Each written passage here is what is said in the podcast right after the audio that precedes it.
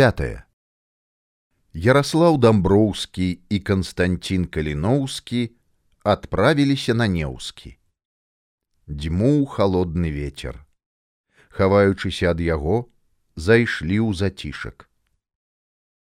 А цяпер мы з табой наведаем ваеннае міністэрства, паказаў Ярослаў на шэры будынак. Рапорт трэба напісаць. Вартавы каля дзвярэй не хацеў прапускаць каліноўскага, але дамброўскі настаяў. Ён са мной мы ненадоўга. Мне толькі рапорт напісаць зайшлі ў прасторны пакой. Дамброўскі скінуў з плячэй шынель павесіў на вешалку. Паправіў новенькія бліскучыя пагоны штабс капітана мергануў сябру. Праб'емся прайшлі ў пакой дзе месціліся пісары Ярослаў выбраў таго, што сядзеў каля сцяны з партрэтам цара, спытаўся: « Любезнейший, не соблаговолите ли вы написать несколько слов? Писар узяў пяро ў руку, абмакнуў у чарнільніцу, вычакальна паглядзеў на наведніка. Имея честь почтительнейше донести департаменту генерального штаба, что я к месту моего служения в город Люблин отправляюсь 5 сего января. Все? сдивился писар. Да, мой сударь. Отметьте, будьте столь добры. Писар военного министерства ніжэй уласнага подпісу офіцера размашыстым почеркам напісаў сваё. Номер 3 5 января 1862 года. Праз хвіліну яны пакінулі памяшканне ваеннага ведомства. А праз гадзіну Ярослаў Дамброўскі адправіўся на чыгуначны вакзал, яму належала ехаць у варшаву. Шлях пролягаў праз вільню, дзе яго чакаў Людвік звяждоўскі. Праз колькі дзён вернецца ў вільню рэвалюцыянер, будучы кіраўнік вызвольнага паўстання Константин Каліноўскі. У варшаву Ярослаў Дамброўскі прыбыў як рэвалюцыйны начальнік горада.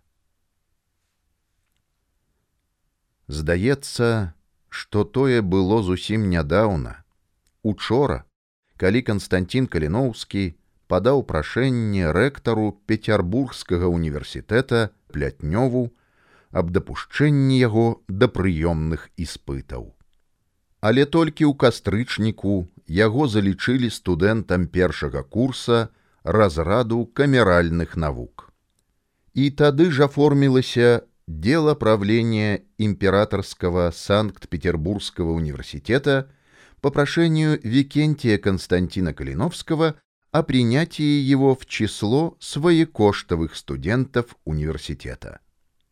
Попячитель петербургской вучебной округи вызволяет студента Калиновского от платы за слуханне лекций на подставе подаденного им документа посведчання о недостаточном состоянии. Калиновский цалком поглыбляется в учебу, вывучая юриспруденцию, три статуты Великого княства Литовского і прыходзіць у захапленне ад таго, які гэта аказаўся дасканалы і юрыдычна абаснаваны закон.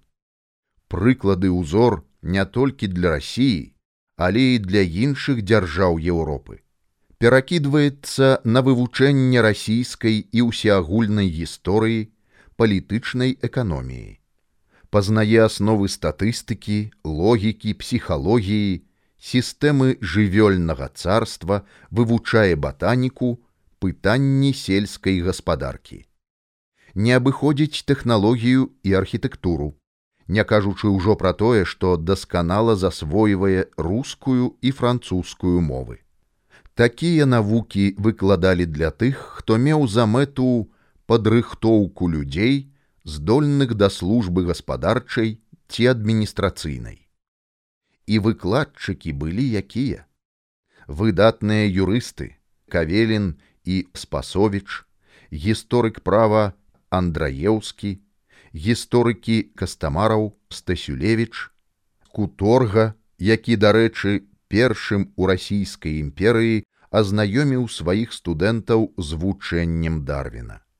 Батанік цанкоўскі эканаміст горлаў акрамя спецыяльных і абавязковых дысцыплін разам з братам вывучаюць творы рускіх рэвалюцыянераў дэмакратаў і праз серакоўскага знаёмяцца з правадырамі рускай рэвалюцыйнай думкі і дэмакратыі міколам гаўрылавічам чарнышеўскім і міколам александровичам дабралюбавым першае спатканне з імі адбылося ў рэдакцыі часопіса калі зайшлі і яны аказаліся на месцы пазней тыя прыгледзеўшыся да каліноўскіх адзначаюць што браты валодаюць незвычайным розумам вылучаюцца глыбокімі ведамі цвёрда стаяць на пазіцыях рэвалюцыйна-дэмакратычных пераўтварэнняў. Вы робіце вельмі вялікую справу, ухваліў Віктора Чарнышеўскі. У публічнай бібліятэцы я пазнаёміўся з вашай працай. А даў мне яе Мікалай Маліноўскі, віленскі гісторык, калега Кіркора. І Кіркор мне сказаў, што вы на працягу трох гадоў прарабілі тытанічную працу над старажытнымі рукапісамі. А тое, што вы знайшлі дакумент апісання межаў паміж Польшчай і вялікім княствам літоўскім, ды які яшчэ напісаны вашай гаворкай, крывіцкай, беларускай. Для вашага народа гэта мае неацэннае значэнне. А дабралюбаў, падтрымліваючы свайго калегу, дадаў: мы рыхтуем дзявятую кніжку современника будзе надрукаваны мой артыкул черты для характарыстыкі рускага прастанароддя дык я ў ім выказваю свае адносіны да будучыні беларускага народа а яны ў мяне аптымістычныя паглядзім што яшчэ скажуць самі беларусы так што скажыце кожны народ кожная нацыя мае права на шчасце і волю. Константин запэўніў: скажам, Миколай Александрович, скажам. Мікола дабралюбаў за яго старэйшы ўсяго на два гады, але які светлы розум. Гадаваўся ў сям'і святара. Вучыўся ў ніжгародскім духоўным вучылішчы і семінарыі пяць гадоў, потым скончыў пецярбургскі педагагічны інстытут яшчэ студэнтам мікола чарнышеўскі запрасіў яго да сябе ў часопіс современнік а мікола гаўрылавіч з саратава на десять гадоў старэйшы за яго кастуся спакойны разважлівы голас нягучны расцягвае словы у пятидесятым скончыў універсітэт таксама як і дабралюбаў з сям'і святара пільна і зацікаўлена сачыў як за нарастаннем сялянскага руху ў самой рассіі, так і за рэвалюцыйнымі падзеямі 1848-49 гадоў у краінах заходняй Еўропы, у прыватнасці Польшчы і літвы. Да яго часопіс современнік быў амаль законапаслухмяны. З прыходам жа міколы Гаўрылавіча ператварыўся ў орган рэвалюцыйнай дэмакратыі. Дабралюбаў і чарнышеўскі, развітваючыся з братамі параілі. У вашай справе сябры, за якую вы ўзяліся, вельмі неабходна мець свой друкаваны орган. Каб праз яго звяртацца да простага люду і да памешчыкаў. Друкаванае слова гэта як набат, як звон, які будуць чуць за многія вёрсты. Будзе ў нас газета. Свая газета народнай мове. Думаем пра такое. Дзякуй, што падтрымліваеце нас. Падтрымліваем. І вы павінны ўступіць у перапіску з Александром Івановичам Герцанам. Ён за мяжой рады кожнаму лісту, дасланаму з літвы ці з Польшчы. Тады наступным разам мы прынясем свае запісы. Мікола Гаўрылавіч у знак згоды кіўнуў галавой, прамовіў: Нясіце. Кастусь Каліноўскі далучаны да студэнцкага агула, арганізацыі студэнтаў. А студэнты ў асноўным з Польшчы і літвы, Беларусі і Украіны, больш як 400 чалавек. Сярод іх Канстанцін і цытус далеўскія, баляслаў длускі, уладзіслаў барзабагаты, баляслаў калышка і іншыя, якія потым стануць кіраўнікамі паўстання. Свабода і незалежнасць нашага народа вось адзіны лозунг наш. Такі быў дэвіз агула наладжваецца цесная сувязь з гуртамі землякоў у пецярбургскім, кіеўскім і дэрбцкім універсітэтах. Далучаны да руху ветэраны польскага вызвалення Людвіг Мраслаўскі, які знаходзіўся ў парыжы. Яго палымяныя прамовы і заклікі да паўстання абудзілі сэрцы моладзі заходняга краю. Заўзятым і апантаным прыхільнікам яго ідэй стаў баляслаў калышка. Таму невыпадкова калышка ў хуткім часе адзін з актыўных лідараў агула. І адразу вызначыўся, выбраў шлях партыі чырвоных. Ён меў пранікнёны розум, невычэрпную энергію, энцыклапедычную эрудыцыю. Калі ж браў слова, то гаварыў пераканаўча, пафасна, не спатыкаючыся, але ахвотна прыслухоўваўся да іншай думкі, не навязваў сваю. Не адзін раз Канстанціна выбіраюць бібліятэкарам кіраўніком агула. Яму па душы левае рэвалюцыйна-дэмакратычнае крыло, і ён адчольвае яго. Жыццё біла праз край, і адно хіба шкадаванне, што ў сутках толькі 24 гадзіны. Але калі бы болей, то ўсё роўна здалося б мала новыя знаёмствы, новыя імёны, уражанні і мроі.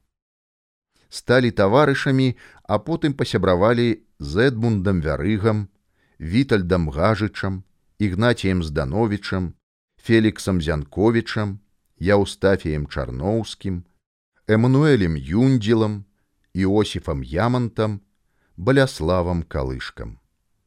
Эдмунд пачаў вучыцца ва ўніверсітэце ў 1857 годзе. А ігнацій, Яўстафій, Эмануэль і Іосиф паступілі ў 1858 годзе. Найбольш моцнае сяброўства звязвала з Іосифам Ямантам. Не раз сябры чулі, як ён казаў пра каліноўскага сваім пецярбургскім сябрам самыя прачулыя і цёплыя словы называў яго сваім пецярбургскім таварышам. Наведваў не раз і Віктора Каліноўскага. Вітальд Гажыч прыехаў у Пецярбург у 1860 годзе.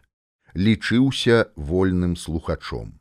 Жыццё звязала ў адно гэтых людзей, далучыўшы да іх кагорты Стэфана Баброўскага і Аскара Авейда, слынных землявольцаў і Уціна, і панцялеева, крытыка пісарава, грузінскіх пісьменнікаў Акакія царэтэлі і Ілью Чаўчавадзе, Эдмунда дзяржынскага, а мілы і харошы Уладзіслаў Малахоўскі служыў інжынерам шляхоў зносін, служачы чыгункі Ільдэфон Смілевіч. У публічнай бібліятэцы Кастусь Каліноўскі пазнаёміўся з земляком гарадзенцам Антонам Іваноўскім. І той дапамог знайсці платнае месца пры бібліятэцы. Атрымаў адразу заданне ад падпольнага гуртка хадзіць па дамах і выяўляць настрой людзей, далучаць іх да рэвалюцыйных ідэй. Аднойчы звітаў на пляцоўку, дзе мастакі выставілі свае карціны. Пейзажы, партрэты, ілюстрацыі да кніг, хадзіў сярод мастакоў, прыглядаўся да карцін. Купляць не думаў, бо не было грошай. Проста любіў пахадзіць сярод мастакоў, адчуць іх настрой. Зірнуўшы на адну карціну, адчуў, як ёкнула сэрца. Закрануў за жывое гарадскі пейзаж. Ды не проста пейзаж. Мастак намаляваў тую мясціну, якая ў жыцці кастуся мела асаблівае значэнне вострую браму вільні памылкі не магло быць так гэта яна каля карціны нікога не было а воддалеч размаўлялі двое Ён і папытаўся ў іх стоячы побач з вострай брамай дакрануўшыся да рамкі. Скажыце будьце ласкавы чыя гэта карціна? Адзін з іх пацікавіўся. Спадабалася? Гэта вострая брама? Вы мастак з вільні? Так там нарадзіўся дык вы зямляк! Ужо радасць люстравалася ў вачах юнака з кім маю гонар размаўляць? Каліноўскія. Константин каліноўскі.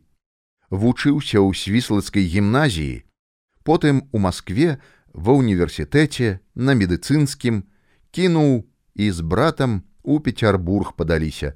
Тут вучымся. А я міхал эльвіра андрыёні. Вучыўся ў Маскве у вучылішчы жывапісу ваяння і дойлідства два гады вучыўся з 55 по 57 праз колькі хвілін яны ўжо гаварылі як даўнія знаёмыя. Андрыёні на два гады старэйшы за каліноўскага амаль равеснікі. Адчулі прыязнасць. А дзе цяпер жывеш міхал? Дзе спыніўся? У рыме як вучыўся ў акадэміі святого лукі пазнаёміўся з памешчыкам залескім выдатным мастаком.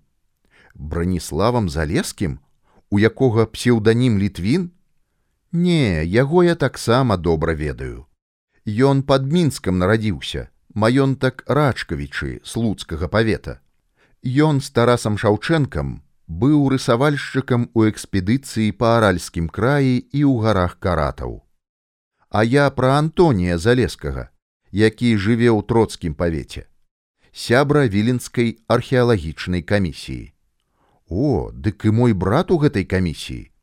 Вы мусіць і кіркора ведаеце. А як жа? І ўладыслава сыракомлю? І яго ведаю. Часта прыязджае да пана залескага. Кастусь пахітаў галавой. Божачка ты мой! Зямля ўсё ж сапраўды круглая. Не маглі мы абысці адзін аднаго. Бог звёў нашыя дарогі. Андрыёні толькі паблажлівы усміхаўся, гледзячы на студэнта петербургскага універсітэта, радаваўся, што зліліся іх сцежкі ў адну дарогу. Пільнае вока мастака адзначала ў паставе яго новага сябра цікавага чалавека. Пакаты лоб, цёмныя валасы, губы сціснутыя, што сведчыць пра валявы характар. Словы не набягаюць адно на другое, а вывераныя, як быццам для гэтага выпадку падрыхтаваныя. Калі глядзіць у вочы, то пранікліва шчыра, а калі адводзіць позірк і думае пра нешта сваё, то не скажаш, што ён у нечым хаваецца, не хочучы выдаваць свой настрой ці думкі, праз імгненне зноў упіваецца вачыма і чакае адказу на сваё пытанне. У пана залескага часта праходзяць сустрэчы, збіраюцца літаратары і мастакі, памешчыкі і ваенныя і наладжваюцца цікавыя гутаркі, спрэчкі, дыспуты, гаворыць Андрыёні. Добра было б, каб і вы, калі завіталі да нас. Пан залескі будзе рады бачыць вас у сябе. Ён вялікі дэмакрат, летуценнік, непахісна стаіць на сваіх прынцыпах, аддаваць людзям усяго сябе, радаваць людзей, несці ў іх асяроддзе асвету і тлумачэнне светлых ідэалаў. Я хутка прыеду ў гародню. Тады і завітаю да вас. А ў майго брата Віктара пільны клопат да Адама Кіркора заканчвае працу, якую яму даручылі. Паказаць трэба яе вынікі. Ну і цудоўна, мовіў Андрыёні. Ад імя пана залескага і запрашаю вас прыехаць у сядзібу. У кожную сераду туды з'язджаюцца людзі. Так што чакаем вас. Праз колькі гадзін яны развіталіся. Канстанцін дае ўрокі ў прыватных дамах, пры гэтым немусова размаўляе з гаспадарамі, пытаецца ў іх пра набалелае. Не ў адной рускай хаце ён знаходзіў прыхільнікаў і нават сяброў і не парываў ужо больш з імі сувязі. Шукае купцоў, гандляроў, перакупшчыкаў зброі. У яго далёкія планы. Ён дзеліцца імі толькі з братам, і той падтрымлівае яго выпадкова на рынку пазнаёміўся з багатым купцом з Масквы, Віктором Сымоновичем Крупецкім. Разгаварыліся. Аказалася, што продкі крупецкага жылі пад бярэсцем. Віктор Сымонович росту невысокага, рухавы, з праніклівым позіркам. Даведаўшыся, што новы знаёмы дае прыватныя ўрокі, абрадаваўся. На лаўца і звер, як кажуць, бяжыць. У мяне блізняты, Вераніка і Вітька маюць патрэбу ў вучобе. Я жыву тут, у Петербурзе, трымаю некалькі крамаў у Маскве, смаленску, каломне. Міласці прашу завітаць да мяне. Добра заплачу хлопча, не пакрыўджу. Не, Віктор Сымонович, як з усіх, так і з вас. Рады буду памагчы вам. Добра, Константин, добра, падняў руки гандляр і паўжартам паўсур'ёзна дадаў: « Рад буду зноў пабачыцца з табой, дваранін каліноўскі. І я таксама. Тая сустрэча мела працяг. Хатні настаўнік дабіўся ад купца галоўнага сцвярджэння. Дарагі мой вікенцій Константин, Для цябе я хоць чорта лысага прадам. А што датычыць зброі, то ў мяне ёсць шмат сяброў, якія могуць даставіць яе па любым адрасе. Але ж, калі за гэта будзе заплочана. Як казаў адзін мой таварыш купец габрэй, сяброўства сяброўствам, а гешэфт ёсць гешэфт. Ежы ігнацій кучэўскі порай з самай раніцы выправіўся ў дарогу у вільню. За дзень да гэтага попрасіў кучара Віктора, каб падрыхтаваў брычку, узяў спраўнага коня вятрылу ды накарміў яго. Падышоў перад ад'ездам брат Зыгмунд, які служыў на каўказе, пацікавіўся, не выпускаючы піпкі з зубоў. Надоўга ежы ў вільню. Як складзецца, праведаю маці і сястру, па крамах пахаджу, па рынках, з людзьмі знаёмымі пабачуся. Но тады добрай дарогі. Брату ежы нічога, толькі маўклівы задужа, меў раненне, пры генеральным штабе нейкі час атабарваўся. Як бацька памёр, то ўзнікла пытанне аб дзяльбе спадчыны, памесця вёскі корсакі.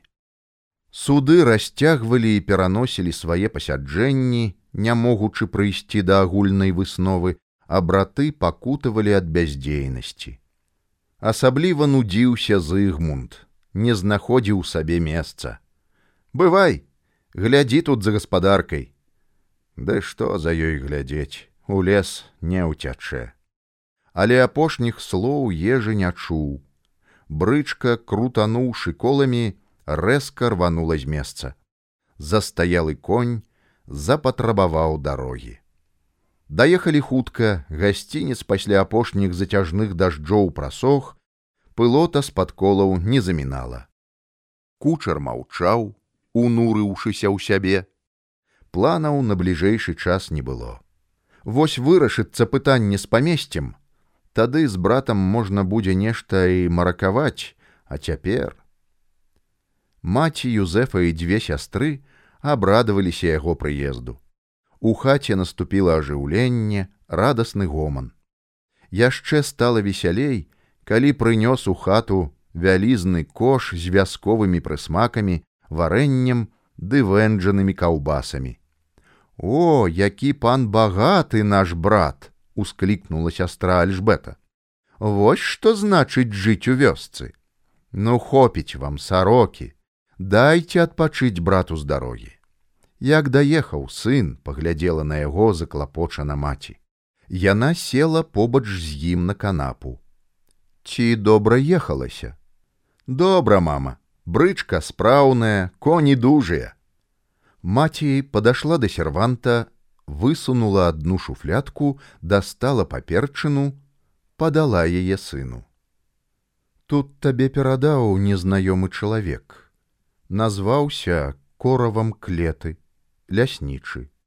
Напісаў свой адрас, а на словах попрасіў, каб ты тэрмінова завітаў да яго.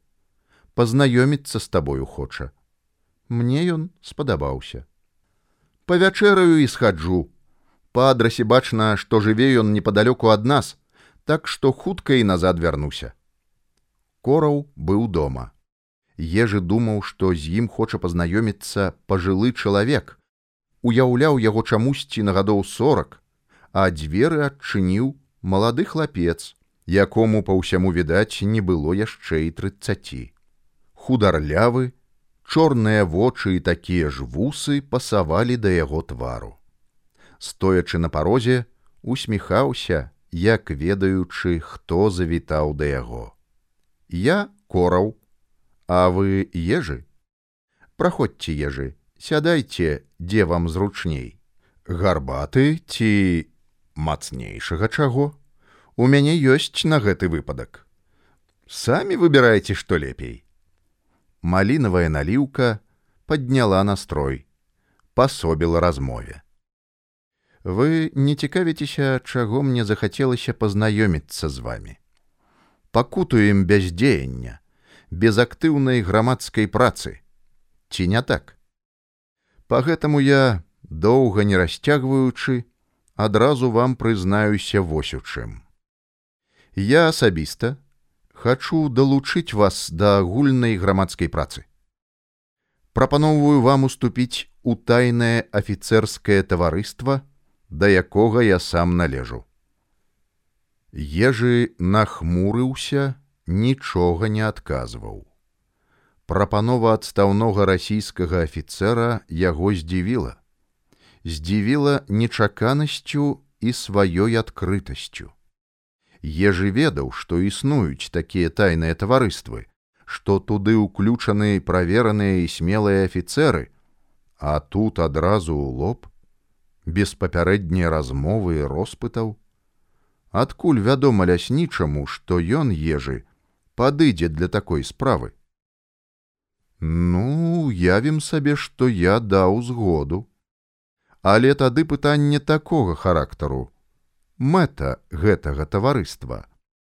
Чым яно займаецца хто кіруе якія абавязкі кожнага? Кораў зноў напоўніў шкалікі пацікавіўся. Як пан ежы ацэньвае гэты прадукт прыемны прадукт умееце вырабляць вам пазайздросцяць вінныя заводы. Правильно кажаце пазайздросцяць адказваю на вашее пытанне мэта адна скідванне строну цяперашняга ўрада ён мёртвы не мае сілы зрабіць нешта прагрэсіўнае новае чалавечнае у гэтае таварыства ўвайшло шмат рускіх афіцэраў просім і вас як афіцэраў адстаўцы далучыцца. Наколькі моцнае гэтае таварыства? Моцнае. Яно мае свае буйныя разгалінаванні па ўсёй рассіі усюды мы маем сваіх сяброў і таму прадстаўляем ужо вялікую сілу. Ежы задумаўся. Яго здзівіла тое як адбылося само запрашэнне знянацку ўсё без папярэдняй падрыхтоўкі ні таго, хто нясе за яго адказнасць, хто рэкамендуе ў таварыства, а канкрэтная праграма, канкрэтныя шляхі дасягнення канчатковай мэты, а сродкі, рэсурсы. Вы сабе задалі тысячы пытанняў, ці няпраўда, заўсміхаўся ляснічы. І засумняваліся, бо шмат чаго невядома для вас, што за таварыства, колькі ў ім людзей, на чым трымаецца арганізацыя, якая канкрэтная праца патрабуецца ад кожнага? Правільнае пытанні пан ежы. Але давайте ўсё гэта перанясем на наступны час. Вам ніколі не позна будзе адмовіцца ад маёй прапановы. Галоўнае згода і паразуменне цяпер а заўтрашні дзень пакажа што рабіць і як рабіць няхай будзе так А цяпер мне трэба вяртацца дадому. Маці чакае, будзе хвалявацца за мяне. Не трэба, каб маці хвалявалася. Ідзіце. Адрас вы мой ведаеце. А я ведаю, дзе ваша вёска корсакі. Усяго вам найлепшага. Да сустрэчы. Да сустрэчы. Ежы яшчэ доўга блукаў па вулачках вільні. Здзіўленне не пакідала яго, як і зацікаўленасць у тым, чым займаецца тайнае таварыства, хто ўваходзіць у яго. Яго жыццё нагадвала ціхае цячэнне дняпра ці прыпяці, а тут падзьму нябачны і незразумелы ветер. Ціхае і спакойнае жыццё парушылася ўмяшаннем аднаго чалавека, корава клетага. Аказваецца існуе і паралельнае жыццё невядомае да гэтага. Вось пераступіш парог таго невядомага і пачнецца нешта новае зусім іншае. І прывядзе яно да шчасця ці да гора ніхто не ведае нічога пэўнага усё прыблізнае але і прыцягальнае Далёка за поўнач ён асцярожна падышоў да дзвярэй і адкрыў замок металічным ключом. Маці не абазвалася, значыць, спала, як і спалі людвіся і лішбета. Ніколі не думаў пан ежы, што стане змоўшчыкам.